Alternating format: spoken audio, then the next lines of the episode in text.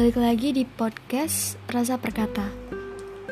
Kali ini aku mau ngebahas tentang harapan, usaha, dan doa. Karena dari tiga hal itu saling berkaitan.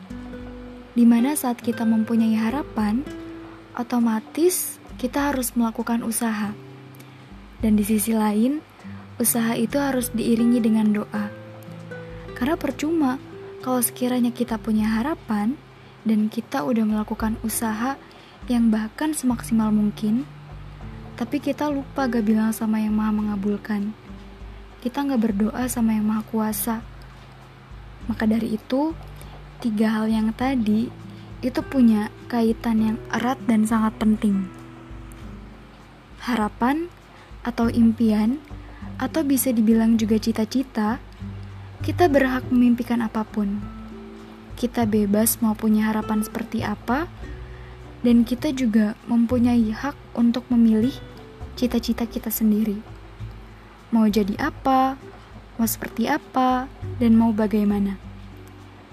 Tapi, selama kita hanya menyimpan semuanya di bayangan kita, di planning kita, tanpa kita melakukan usaha apa pun, apa bakal terwujud? Apa bakal tercapai? Apa bisa kita menjadi sosok yang kita impikan? Apa harapan-harapan kita bakal datang sendiri tanpa ada usaha? Tentu enggak. Harapan itu diciptakan untuk kita wujudkan, bukan untuk kita bayangkan. Terus kalau misalnya nih, kita udah berusaha yang semaksimal mungkin, udah usaha sekeras mungkin, tapi belum berhasil juga. Nah mungkin kita lupa satu hal, kita lupa minta sama yang punya segalanya kita lupa berdoa. Padahal berdoa itu penting banget sih. Kadang ada hal di luar nalar yang kayaknya mustahil gitu kalau kita gapai. Tapi tiba-tiba kita bisa mencapai itu. Kita bisa menggapai hal itu gitu. Dan ternyata mungkin hal itu tuh salah satu dari doa-doa yang selalu kita panjatkan aku ada cerita yang akhir-akhir ini baru aku alamin. Jadi, kemarin waktu ujian sekolah, ujian praktek, yang mana sebelum ujian tuh aku bener-bener takut banget, hampir stres gitu. Karena aku, aku pun ngerasa passion aku tuh bukan di sini. Aku kurang suka sama dunia perkomputeran, perjaringan, atau pengkabelan apa pun itu tapi harus berhadapan langsung. Harus aku praktekin. Ya kalau materi kan bisa dihafal ya. Tapi kalau praktek tuh bikin aku kayak ini gimana? gitu.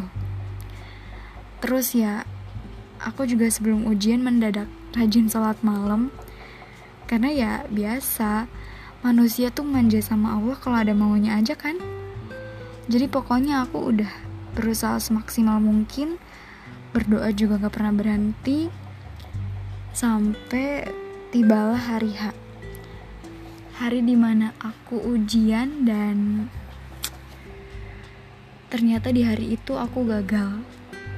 Aku ngerasa gagal atau ya aku pokoknya di hari itu aku bener-bener ngerasa diri aku gagal gitu. Karena pas ujian itu kan dikasih waktu ya. Dan udah ada beberapa orang yang selesai sebelum waktunya habis.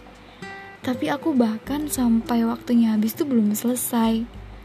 Masih ada beberapa tahap. Atau mungkin menurut aku tuh masih banyak tahap-tahap yang belum aku kerjain dan yang udah aku kerjain pun aku ngerasa kurang tepat. Karena kayak blank banget gitu Bahkan aku gak sempet ngecek hasil jaringan aku tuh ada apa enggak. Soalnya emang keburu deg-degan ngeliat anak-anak di ruangan udah pada selesai tapi aku belum.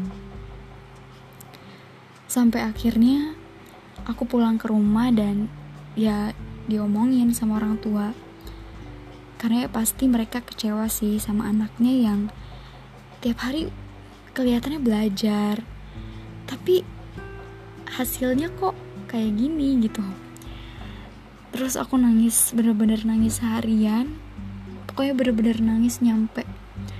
Mata aku bengkak terus aku cerita juga ke teman dan teman sempat nenangin bilang udah nggak apa-apa ini cuman sementara masih bisa remedial. Karena pikiran aku nggak lulus ujian itu artinya nggak lulus sekolah juga. Maksudnya aku takutnya lulus sekolah dipersulit. Dan bahkan aku di hari itu di hari itu juga aku potong rambut sendiri. Perempuan pasti sama kan? Pasti kalau ada masalah biar ngerasa lega dikit itu pasti potong rambut. Padahal nggak tahu faedahnya apa tapi ya setiap abis potong rambut tuh kayak beban masalah tuh hilang walaupun sedikit gitu. Uh, terus drama pernangisan udah selesai drama nyesek nyesolnya udah selesai. Akhirnya uh, pengumuman di hari pengumuman remedial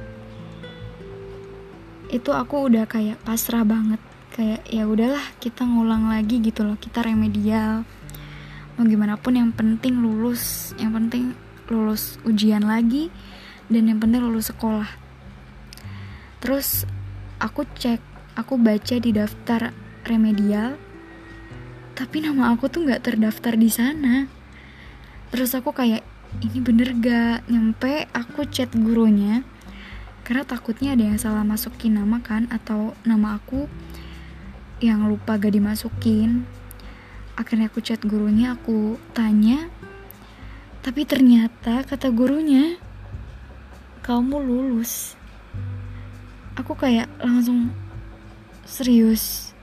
Ini tuh serius dan ya seneng banget gitu perasaan tuh kayak aku udah sebelum sebelum hari remedial aku udah nyiapin aku udah belajar lagi materi-materi yang buat dipraktekin tapi ternyata hasilnya aku lulus gitu. Gak gak perlu remedial gitu. Dan di situ aku baru ingat sama kuasa Allah lagi. Padahal di hari di perdramaan nangis-nangis itu aku bener-bener lupa sama Allah. Aku malah mikir kenapa? Aku udah berusaha udah berdoa dan tapi kenapa hasilnya kayak gini? gitu. Aku kayak nyalain Allah gitu loh dan aku lupa kalau Allah tuh selalu ngasih yang terbaik buat hambanya dan Allah tuh selalu ngasih kejutan-kejutan untuk hambanya dari situ aku makin yakin sama harapan-harapan aku bahwa gak ada yang mustahil di dunia ini selama kita punya Allah dan mau berusaha. Jadi kayak libatin aja semua urusan kita itu sama Allah. Yakin aja gitu. Jangan sampai lupa sama Allah. Karena kalaupun kita ada di titik terendah, pasti selalu ada keajaiban-keajaiban yang gak terduga yang bikin kita mikir, wow, gini ya.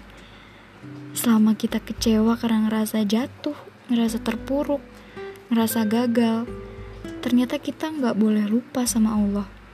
Ternyata kita harus tetap yakin sama Allah, harus percaya kalau pasti Allah bakal bantu kita dan pasti Allah bakal ngasih keajaiban dan kejutan-kejutan terbaik untuk kita.